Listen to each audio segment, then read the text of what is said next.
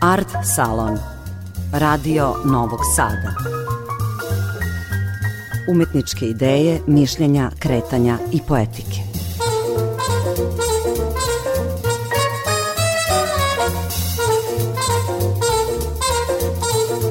Dobroveče, dragi slušaoci, ovo je Art Salon Radio Novog Sada, ja sam Aleksandra Rajić, a moj večerašnji gost je pisac, prevodilac i esejista Vladan Matić.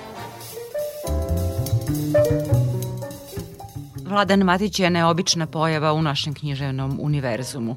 Piše iz istinske erudicije, velikog diplomatskog iskustva, žive imaginacije i osjećaja da bi bilo dragoceno čitaoca uvući u lavirint prošlosti, sadašnjosti, budućnosti i bezvremenosti u kom nije važan izlaz, već potraga, putovanje samo. Napisao je dvadesetak naslova, romana, knjiga eseja i putopisa. Reč je o knjigama koje se opiru žanrovskim i semantičkim okvirima, kaže njegov izdavač, Novosadska Agora. Na Beogradski sajam knjiga došao je sa novim romanom naslovljenim Završavanje 20. veka.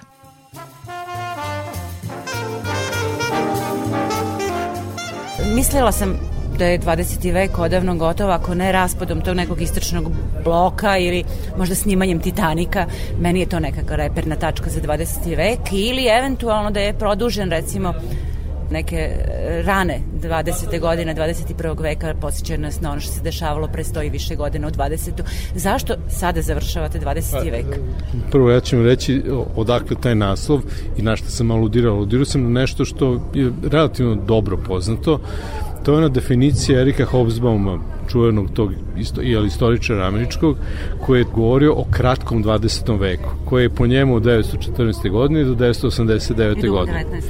Da. E sad, kod mene, pošto sam ja to negde u knjizi i rekao, da su sva moja sećenje istorijska na tehnologiju, na okruženje, na scenografije, na ljude, zapravo 20. vek, da su to kombinacije kolaži ili kapričosi, kako god hoćete, na temu 20. veka i pojmova iz 20. veka, ja sam onda pokušavao, znači prvi deo, nije se to iz tri dela, u prvom delu su te priče koje pokušavaju da nađu te događaje ili da definišu događaje koje za mene predstavljaju kraj 20. veka čime se on završava. I to je po Hobbesbaumovskoj definiciji vrlo uslovno, to ne mora bude kako kažem, kalendarski 20. vek. lični događaj?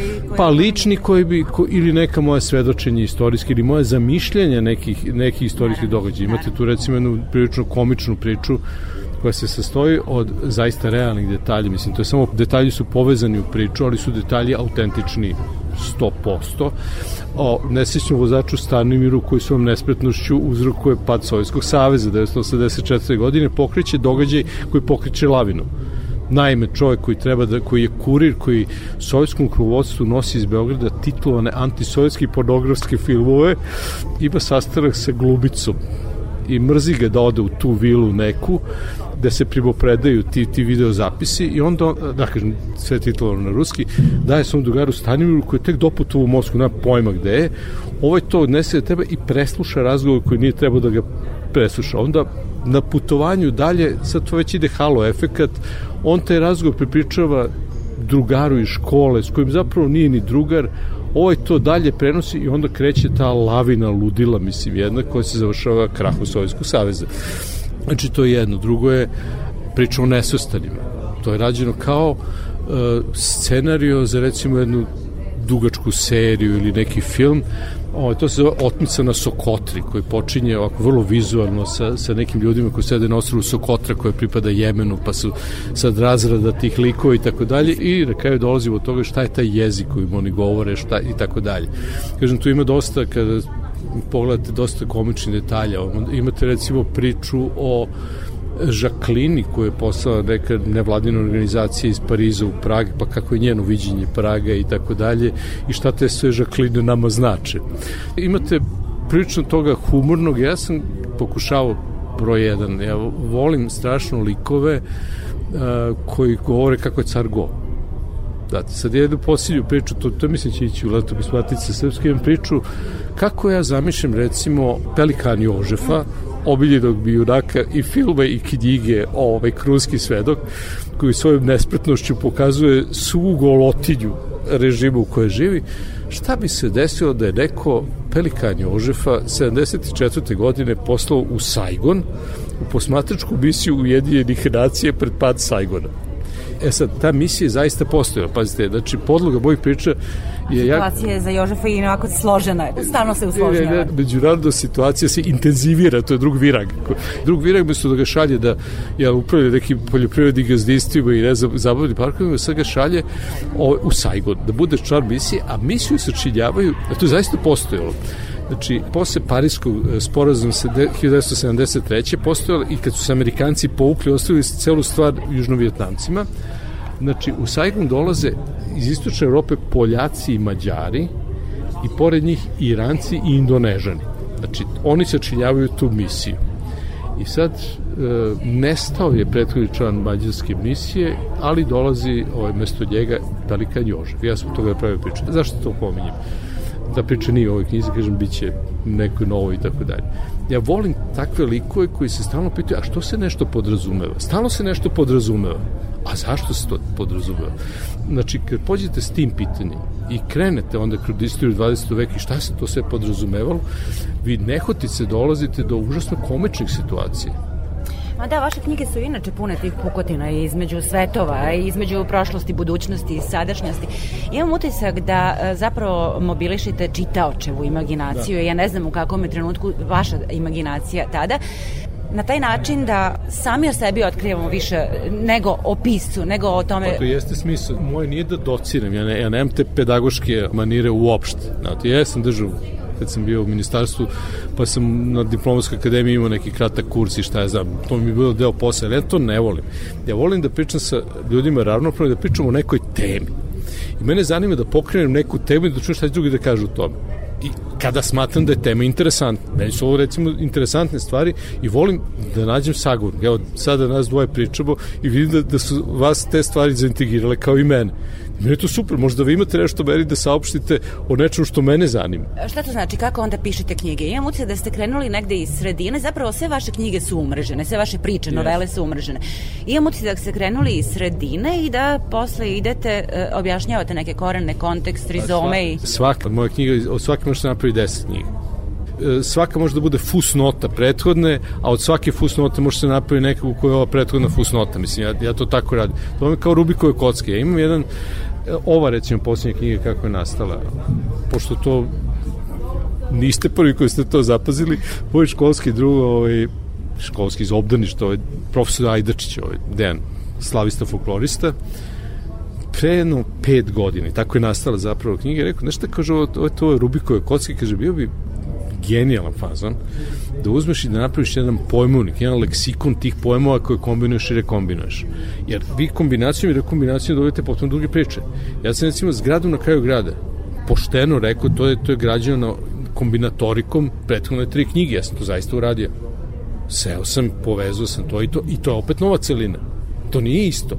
Slično je, dublje vas uvlači u, u, u, u taj reki, a vas dublje razmišljanje o sebi i o svom stavu o svetu to malo sokratovski ono, ostalo od profesora filozofije iz Petera kad sam bio klinac pa, pa da si učio da, da, da, da mislio malo. Ja volim taj napor, me, me se to sviđa. E sad, i ja sam Dejana poslušao, onda izbila korona, onda sam za vreme korone, zato što mi smo živjeli u Kazastanu tada, a Stana je vrlo izolovan grad i kad nije korona. Nama korona nije mnogo promenila u životu, jer pazite, tamo je zimi dva meseca minus 40, ne može se izlazi iz kuće, a osam meseci je sneg. Tačka dalje, dalje ne mora, i stalno su vetrovi koji, koji, koji su nezamislivi. Ja sam onda, pošto to je bio policijski čas, recimo tri meseca, ja sam završio ovaj, izgubljeni grad. Izgubljeni grad, to je drugi motiv bio, zato što sam ja to pisao, što sam posle ukomponovao, a krenuo sam da radim tada taj leksikon i nedavno sam ga završio i to je, ova knjiga je deo tog leksikona da sam ja lep, vrlo savjesno uzio svojih prethodnih knjiga, sve te pojmove, razradio ih, rekao, ok, ovo su scenografije, znači, to je 20. vek za mene. Znači, scenografije tog 20. veka za mene su železnica, tramvaji, radio i tako dalje. Ima ono što sam pre neki dan našao citat u nekoj knjizi i to mi se jako dopalo, da je neka, da kanadjenka, ova knjiga se zove More tišine, vidim da neko sad prevodi Buka ili neko prevodi kod nas, genijalan jedan citat, da rekla, zašto ljudi pišu postapokaliptične romane? Pa to je čežnje za manjkom tehnologije. To imate u mom izgubljenom gradu. I u mojoj knjigi vi se vraćate na tehnologiju ranog 20. veka. čini mi se da čitajući vaše knjige nekako lakše steknemo kondiciju da izađemo na kraj sa stvarnošću, jer vaše knjige su uvek neke balansi između te neke fikcije i stvarnosti. Zapravo, imam utisak da je ta neka vaša spisateljska putanja uh, ako mogu da kažem, prema ekskluzivnosti, prema kamernosti i da vi od toga zapravo ni ne odustanete, niti imate namere da odustanete. Pa ne, znate šta, ja prvo način koji pišem malo blesavo, znate, ni, svaka knjiga je pisana drugačije kod mene. Recimo, Šamar, uh, koji nisam teo ni iz ličnih razloga nisam ni promovisio i tako dalje, ali koji čak ušu najžizbedak za Lazu Kostić i za Isidoru. Ta knjiga je pisana, pošto sam pročitao fenomenalnu istorijsku knjigu češkog istoričara eh, Ondřeja Vojtjehovskog koja se zove Iz Praga protiv Tita koju bih ja rado preveo da nije već prevedena na hrvatski preveo Ivo Banac, pa sad ispalo bi sam prevodio sa, znate, ono, Nećemo verovati. Sa dva dijalekta de facto istog jezika i, i neće mi niko verovati da sam preveo s češkog. Knjiga ima 750 strana i detaljno opisuje Čehoslovačku 50. godine i našu informbirusku emigraciju. Prag je bio centar po značaju odmah iza Bukurešta I sad tu se opisuju ti likovi. Šta se meni desilo? Ja sam jedno jutro sanjao jednog od likova koji je mogao da bude u toj knjizi. Naime, Jugoslavija 1948. godine poslala uh, e, 3000 studenta iz Šegrta na obuku u Čehoslovačku, koja je bila relativno neteknuta ratom, visoko industrializovana i tako dalje. Od toga se 2950 vratilo, a 50 nije. E sad, kod mene, moja priča je onom jednom od tih 50 koji se nije vratio. Da, ima trilerske, ima malo špijunske. Jes, ne, ne, ima ta atmosfera i, i, i, i ko je taj lik zapravo i sve, cela ta priča. Pritom, e, ta knjiga zaista počinje opisom tog veličanstvenog i poslednjeg sve Sokolskog sleta. E sad, ja imam porodičnu moju tradiciju, mi su iz mamini statine strane svi bili u Sokolima. Pa sam ja se naslušao tih priča od Deda i vamo, na imam fotografije sa onim tokama, perikama i sam kad sam živeo u Pragu, meni je to, ovaj, pa ne mogu kažem otvaralo vrata, ali mi je, znate, u privatnim druženjima s ljudima, ono, kad vidimo iste fotke porodično zidu, znate, ipak je to prijatno nešto ipak lepo nešto, više generacijski i tako dalje. I kažem, meni to dirnulo u knjizi, znači, to je detaljan opis tog sleta. Ja sam to, videli ste, preneo i u svoju knjigu, mislim, šta se dešava kada ovaj glavni junak da ne kaže šta se dešava i tako dalje, imate tu bifurkaciju u tekstu, ali ja sam tu knjigu, da bih mogao da je ispričam, pisao tri godine. Jer tri godine mi je bilo potrebno da nađem formu, da nađem kompoziciju za to. Jedno je šta sam ja vidio, znate, to tu uzmete pa zabeležite pojedinačne scene, ali te scene povezati uh, u tekst koji će vući čitaoce, ja pretpostavljam da ste pročitali u jednom dahu i da ste pročitali više yes, puta. Yes. Sve moje knjige se čitaju u jednom dahu i čitaju se i čitaju se više puta i svaki put otkrijete nešto novo. Ako ne zbog drugoga, ono zbog Google mapa, odnosno puno geografskih, istorijskih A. podataka. Sad, sad ćemo objasniti to. A ja, ja ovaj, mislim da je to legitimno. Ne, ne, okej, okay, ali to nije ništa u suštini pretredno namjerno. Znači, istoriju ja volim da čitam, ali šta iz istorije? Istoriju 20. veka to, to, to mogu da kažem da, da dosta dobro zna. Znači, istoriju, recimo, Čehoslovačke 20. veka i Jugoslavije 20. veka, to sam ja čitao iz raznih svojih razloga i to, ajde da kažem da sam bolje obavešten od prosečnog čitaoca, nije baš da bih mogao sada da diplomiram na istoriji. Ali za neki solidni rad imam, svaku knjigu sam ja dosta dobro prostudirao. A i prevodio sam vrlo ozbiljne istoričare sa Češkom. Mislim, Pelikan je najveći češki istoričar živi, pa sam ga preveo. To je jedna istorija. A geografija to je bilo blesavo. Ja nisam neko, sad se smeti, nisam neko voli da putuje uopšte. Ne verujem. Ne, ne, ne, ne najozbiljnije. Ja, ja, sad, ja sad ne uživam, evo sad, sad kad sam u penziji, pa sad žene, ja tu živim u centru grada, ne moram da se mučim mnogo ni do pijace. Sve mi je tu, sve je zgodno, mogu da pešačim. Ja volim da vozim bicikl, da pešačim, tako da planem u reku. Mislim, da se družim s ljudima, da čitam i tako dalje. Ono, armchair traveler, što bi rekli na engleskom.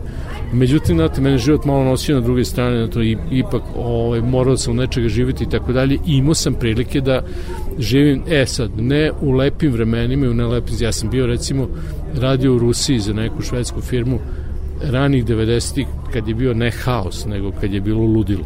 Pa sad kažem kad sam bio u Moskvi kad je Jelcin gađao parlament, tog dana. I da sam spašavao drugara koji je živao preko puta parlamenta koji je išao pa bleno na obalu šta se to dešava ne mogu snajper da ga pogodi u krajnjoj liniji pa kancelarije naše su pogodili snajperski meci u krajnjoj liniji ovaj policijski čas i tako. Pa sam bio u Baku za vreme državnog udara u septembru. Spao sam iznad izvođača državnog udara jedan sprat, lift je vodio do njegovog sprata, onda sam se ja penjao peške i na to ono sivi vukovi sa bradama do pojasa, mislim, ono, ekstremisti muslimanski su me usled rata u Bosni mene sa, sa, sa jugoslovenskim tada pasašem gledali i smeškali se meni obratno. Mislim, mogli su me skratiti za glavu ovako. Sve sam prošao tako neka divna mesta 90-ih, Baškirija, deo Kazahstana sam prošao i tada i tako dalje. E sad, kad sam ja već došao tamo, znate, ok, ja sam se dosta sam ja čitao i kad sam, kad sam radio ja, u, u ministarstvu, normalno da sam morao da čitam ali nisam ja toliko obraćao pažnju na te, na te, na te geografske istorijske detalje koji su irelevantni za, za posao koji radite. Međutim, kad je počela korona i kad sam ja tamo odjednom ne mogu kažem imamo manje posla, imali smo, luđu vrstu posla, razne evakuacije i koje šta, sve to radite od kuće, ali sam ono ceo dan bio upućen na, na knjigu. Ja kažem, čekaj, što ja ne bi napisao ono, ne znam kome je masirao da napišem neki rad o Srednjoj Aziji. Ja kažem, što Srednja Azija je vrlo širok pojam, pojedinačne zemlje se drastično razlikuju, ne znam, nije isto Kirgizija i Kazastan, ne znam, Uzbekistan tek, tek se totalno razlikuje od svega toga, Tadžikistan govore, mislim, farsi, a ne tu, turanskim jezicima i tako da, rekao, nije to tako i krenem, rekao, ali što ja ne bi napisao, recimo, jedan kratak tekst o zabludama o tome, jer sam slećući kolege tuđe ambasadore, sluša šta se ljudi pričaju, mislim, imao sam utisak da je pola njih pokazni upućeni tamo, nemaju pojma da su došli. Znate, ono, neki od njih su znali ruski, niko od njih nije znao kazaški. Ka, ka, gde, ne, da. kazaški nije znao niko, da, da. Uh, uključujući i tursku ambasadora koji mi iskreno priznao da on razume do 50%, jer kaže, izvite, kaže, to je kao kad bi vi govorili staroslovenski, jer dobro, izvite, nisam pojma ima. Onda od, od kuće su dolazila pitanja, da vidim ljudi nemaju pojma, kaže, da tu tamo mnogo zaostalo, pa jeste ako se gledao film Borat.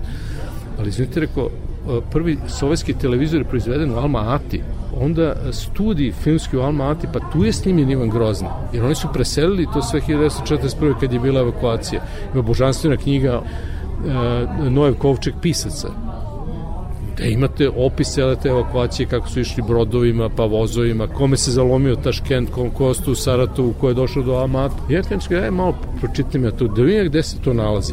Štreberski, onako i ono, pokupujem, pošto to kod se vrlo jeftino, elektronske knjige, načitam se ja prvo putopisa o 19. veku, majko mila, mislim, sve ove, od Pževalskog do Pjevcova, nemam pojma, e, Valikanova, Vamberija, sve žive zapadne, istočne ove putopisce sam se ja I 19. vek je zapravo kada se to, ja imam jedan tekst, to je bilo letopis Matice Srpske, e, gde zapravo se u 19. veku otkriva taj deo sveta ranije nije, niti bilo interesantno, niti bilo moguće. Nije to Mesopotami, nije to, znate, to su redki fantasti za mišljenje neke ono drevne, pradrevne civilizacije, ali vi nemate nešto zašto da se zaista uhvatite tamo.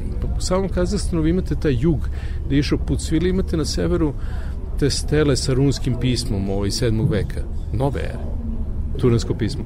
Ljudi su odlazili tamo, kaže, Mahmud, kaže, ja sam to sve pročito i onda sam opet nisam sanjao, nego, nego nisam prosto smatrao da bi bilo dobro da to sistematizujem i onda se napisao izgubljeni grad. Jer šta je prvo šta su tražili ti istraživači? Pa izgubljeni grad. E, onda vidimo, ko je izgubljeni grad? Pa tražili su Aleksandriju, tražili su Šambalu, tražili su Agartu i tražili su, ne znam, šta, još. I onda sam ja to lepo uzeo i povezao i, kao što ova žena kaže, ta nostalgija, ja počeo sa tim zaborom po zabogom, mi živimo više, nemo, mi ne znamo kako, kako funkcioniše ovaj aparat koji mi intervjušete. Nemate pojma kao ni ja. Jer biste znali da ga napravite, da ga popravite? Pa ne biste. Ne, ali... A, ranije svako znao da popravi bicikl, ili tako? Mi sad živ, nas je tehnologija prevazišta, mi svi sad plače, stvari, da, za plače, da, i, i, i plačemo za, za jednostavnijim tehnologijom. Da. I to je bilo pokretačno. Neki dodar sa tlom. Da, e, a onda sam uzeo, znate šta, onda nisu, nisu bili samo ti putopisi, onda se setio, uh, kada sam je smestio taj institut, to sam rekao u završavanju 20. veka, imaćete šta je inspirisao taj institut, pa imate uh, Canticle for Lajbovic, jel, pojenje za Lajbovica, fantastična knjiga, neku Millera iz 50. neke godine o postapokalipsi i ponovnom građanju civilizacije. Savršeno. To sam uzeo i razne te, ne znam, igra stakne i perli. Gde god imate te neke manastire, instituti i tako dalje, to sam ja odatle sam krenuo i onda sam imao te vizije promenjene geografije, šta je ovaj video, kako je, kako zamišljam tu blisku istoriju. Drugo, imam tu jednu tezu da smatram da nama nije interesantno šta će se dešavati kroz milion godina, to niko pojma nema, ali nas jako zanima šta će biti kroz 200. Jer dotle seže naša, naša imaginacija, ako, ako seže i dotle čitaocima recimo prepuštam da, da, da pročitaju Šamara, okay. ima tu ona, svih mogućih fjordova u, u toj knjizi, tako da nije samo onako površno znanje geografije o kome govorite. Dobro, ok, znate šta, ja sam živao u Stokholmu, da, da se nažem, ja sam živao u Stokholmu četiri godine i najlepši deo Stokholma, ono o čemu vam niko ništa ne priča, a to je taj arhipelag od 30.000 malih ostrava koji je ispred Stokholma. To je fenomenalno. Ja sam išao kad god sam mogao, imao sam, imao sam tu želju da zimi to idem na, vozio sam nordijske klizeljke i ovaj, Međutim, nikad nisam, prijavio sam se bio na neko takmičenje na jezeru Valentuna i onda je takmičenje ovaj, otkazano i je led se stanjio, pa da ne propadam u jezero, bi se bilo gotovo to je bilo jedino, ali išao sam na stadion, vežbao sam to i hteo sam da, da klizam, da, da, da nađem neke drugare pa da proklizamo po arhipelagu, mislim to, to se nikad nije desilo, ali kad god je bilo mogu, kad, kad, kad ali je bilo... tih brodova i trajekata, no, shvatila da, sam iz vaših da, romana. Ne, zimi kad je zalađeno, ali čim se otopi, to je bilo fantastično. To, i, to, I to su, znate, to je ceo jedan sistem gde, gde, gde tu kao ono trame broj 2 ide tad i tad. Za, za sam arhipelag, vi imate samo usluge da se zna, koji imaju radno vreme, imate poštu, ljudi tamo imaju internet, imaju struju, nema na svakom ostrovu, imate ostrova manje, više naseljene i tako dalje i to, a da, pritom ne može svugde da se plovi, negde su hridi i tako dalje. I to je bilo najčuvanija e, tajna e, švedske vojske bila koji je prolaz kroz arhipelag. Imate jedan roman e, od Henninga Menkela, posljednji roman, to nije o, o Valanderu, o nekom kapetanu koji ubije neku ženu na tom ostrovu, a on je taj koji čuva tu tajnu, ta, tajnu prolaska. Jer meni to se bilo fascinantno. Ja sam prošao, znači išli smo jedan put za Rigu tim ogromnim brodom koji je hotel zapravo osmosmrtnica na moru ovaj, da pijanka počinje onog momenta kad izađete iz teritorijalnih voda Švedske, onda se otvara ovaj, radnje za alkohol i to je takav stamped da to u životu nisam vidio i stvarno su mrtve pijenih slagali kao, kao, kao klade kad, kad smo stigli u Rigu, bi se blesalo bilo. Ali inače mi smo išli na ta bliža ostrana, do, do, se, do, na Meji nikad nisam bio. Ali išao sam na Santku, na Vexlu sam išao redovno, mislim svake nedelje. I to jeste ta putanja leading o Vexlom i tako dalje to je nešto to, to bih rado ponovio ovaj, one dve nedelje leta švedskog u julu mesecu. E sad rekli ste da niste neki putnik, jel da, da vas pa, život istica okolnosti yes. vukao na neke putovanja, koliko putujete ovde zapravo, šta vam je u planu, da li, pa, ovi, ću... da li su ovi neki prostori ovaj, u planu ne, za neke istraživanja? Ne, ne, pa kako da kažem, evo koliko sam putovao od kada smo se vratili, znači vratili smo se 2021 otišli smo jedan put u Hurgadu, to ne bih ponovio u kolostima, prošle godine, jer nisam plivao na moru 7 godina. Eto, otišao sam tamo, otišli smo supruga i ja kod naših prijatelja na, u Kalinovčić, kod Golubca, tamo na, na Srebrnom jezeru, pa smo onda produžili još jednu nedelju dana na Srebrnom jezeru, lepo je, divno je Dunav, šetnje i tako. Gradište mi se neviđeno dopada, mislim, gradište ima tako lep centar da je to uži. I mi smo svaki dan peške išli od, od ovaj, Srebrnog jezera do gradišta, bilo fabulozno, onaj park je svetski. I to bi bilo sve, sad ću da u Soku Balju. A materijal za literaturu tu nema ili? Ba ne, materijal za literaturu, sad sam pre neki dan, ovaj, nešto je Paolo Pavet i završio sam te, te neke kratke priče o tim lažnim stvarima, recimo, taj lažni izveštaj koji ovaj šalje iz Vijetnama, pa ne znam, imam nešto iz Afganistana, pa se sad sanju neke klince koje italijani greškom ovaj, evakuišu iz Šagaja 38 pa završavaju kod Mussolini a jedan od njih je moj komšija iz Vojvode Dobrnca, ovaj koji, koji tu umire 70. godine pa bi ostavlja svesku, mislim, to takve stvari, znate, ono, znate, vizualnih materijala im kako hoće. To, govorili ste, e, u vašoj glavi naravno, a govorili ste o vizualnom materijalu koji ste doneli iz putovanja i na ideji da se to sve sa nekim pričama uklopi u neku knjigu, je li tako? Ne, znači, Fotografije o, i priče. Sad, sad pošto smo se selili unutar Beograda, pa sam sređio u biblioteku. Znate, ja sam godinama, mi smo živjeli i u Briselu, Sam svetska predstavnica stripa. Ja sam u dan donao neki 500 stripova. Tela žena da me ubije, gde da stavite to u biblioteku. I na kraju sam ja to razdelio ljubiteljima stripa, nešto je ostalo, uglavnom sam razdelio, ali šta, je, šta nisam delio, to su ovaj, Carnet Voyage, to su vam um, putopisni dnevnici sa crtežima. Ja, moje san da ja napravim neki svoj putopisni dnevnik tako sa crtežima. Onda šta radim, ove fotografije koje pravim telefonom, imam par jednostavnih nekih aplikacija, do, solidnih programčića za, za obradu toga. Pa može se obradu da liči na strip. Mislim, to nije ono, ono artificial intelligence u onom pravom smislu, nego je tako nešto. I onda ja od toga pravim, ja stalno skupim, pa sve ove ilustracije u knjizu su moje sve sam ja to lepo ovaj, obrađivo i tako dalje. Žao mi što... Mislim, I korice na knjigama. I korice, da. Ovo, ovo je jedan blesave, blesavena zgrada u Astani, to je francuski kvartal koji izgleda potpuno nadrano. Da, da, to izgleda nadrano. Na zapisnim ovo se radi, to je neki, ja sam to zvao portal, mislim, to je u stvari letnji bioskop. Ali delo je toliko blesavo da možete zamisliti stvar kao neki portal izgubljeni grad, to je gradski park u Astani koji se ja preradio da izgleda kode, kode na Marsu. Zgrada na kraju grada, to je šlep koji sam slikao ovde na, na 25. maju kad je prolazio, ovaj, pa sam ga, pa sam ga uradio. Ja sam hteo da, da ilustrujem priču sve što znamo o šlepovima koja je zapravo boja verzija pijene lađi Rembo. E, to mi je suština, ta, ta moja putovanja. Kad sam bio mali pa me deda šeta pored reki, kako se završava pijena lađi Rembo? Kad, kad je vidio sve one vodopade, indijance i tako dalje, vraća jednu malu baru u Evropi, gleda neki čamčići i tako dalje. Tako je to i kod mene sad, znate, pošto sam se naputovao niz Orinoco i Amazon što u glavi, što kroz razne irtiše i tako dalje vidio to što nisam sanjao da ću videti. Na sreću, vaše priče nisu nekako konzervisane, nego nastavljaju, žive su, nastavljaju da raste, tako da ja pretpostavljam da ćemo vas i čitati. Pa, da, sad sam ne mogu kažem dokon u penziji sam, sređujem te svoje papire kojih je jako mnogo za prevođenje, ja mislim sledećih pet godina imam šta da prevodim pošto ja sad radim ono što volim, radim pise, pise koji su mi srodni, koje znam, koje negde lično poznajem, koji su čitali isto što sam ja čitao u isto vreme kad sam ja čitao, a vas čitao istu literaturu identičnu koju sam ja čitao. Uglavnom sa češkog jezika. Pa sa češkog zato što znate šta, sa engleskog i francuskog imate koliko hoćete, pa i sa ruskog, znate, od češke ja ne znam koliko ljudi prevodi, vrlo malo.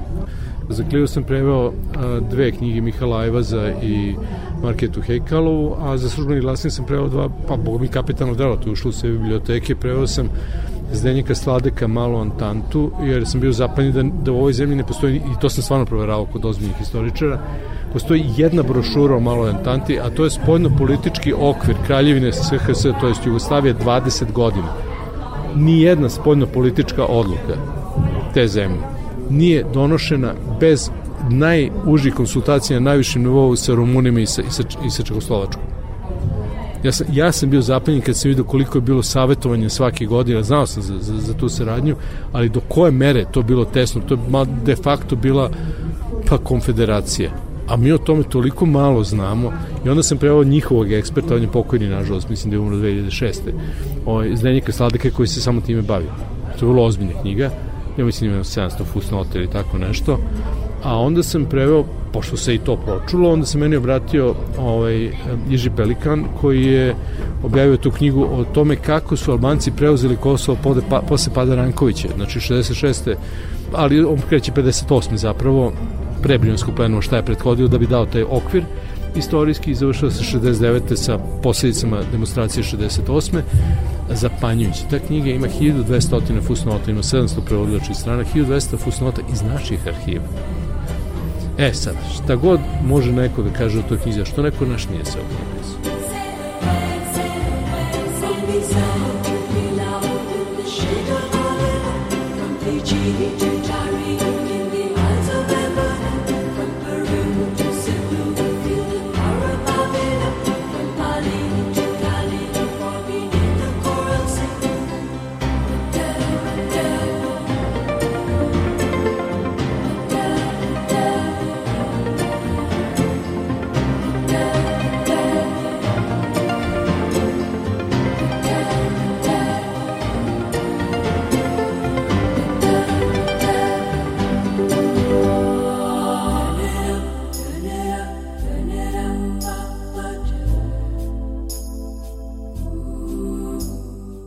Slušali ste Art Salon. Naš večerašnji gost bio je pisac Vladan Matić.